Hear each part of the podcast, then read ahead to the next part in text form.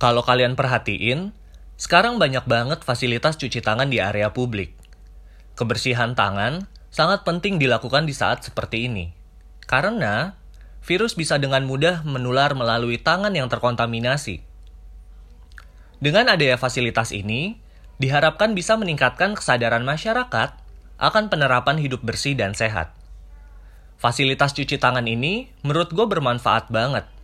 Tetapi, yang jadi permasalahannya adalah masih banyak gue temuin di swalayan kalau fasilitas ini cuma sekedar pajangan doang.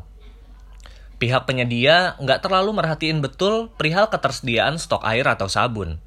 Alhasil, orang-orang yang udah punya niatan baik untuk mencuci tangannya setelah berbelanja, jadi mengurungkan niatnya.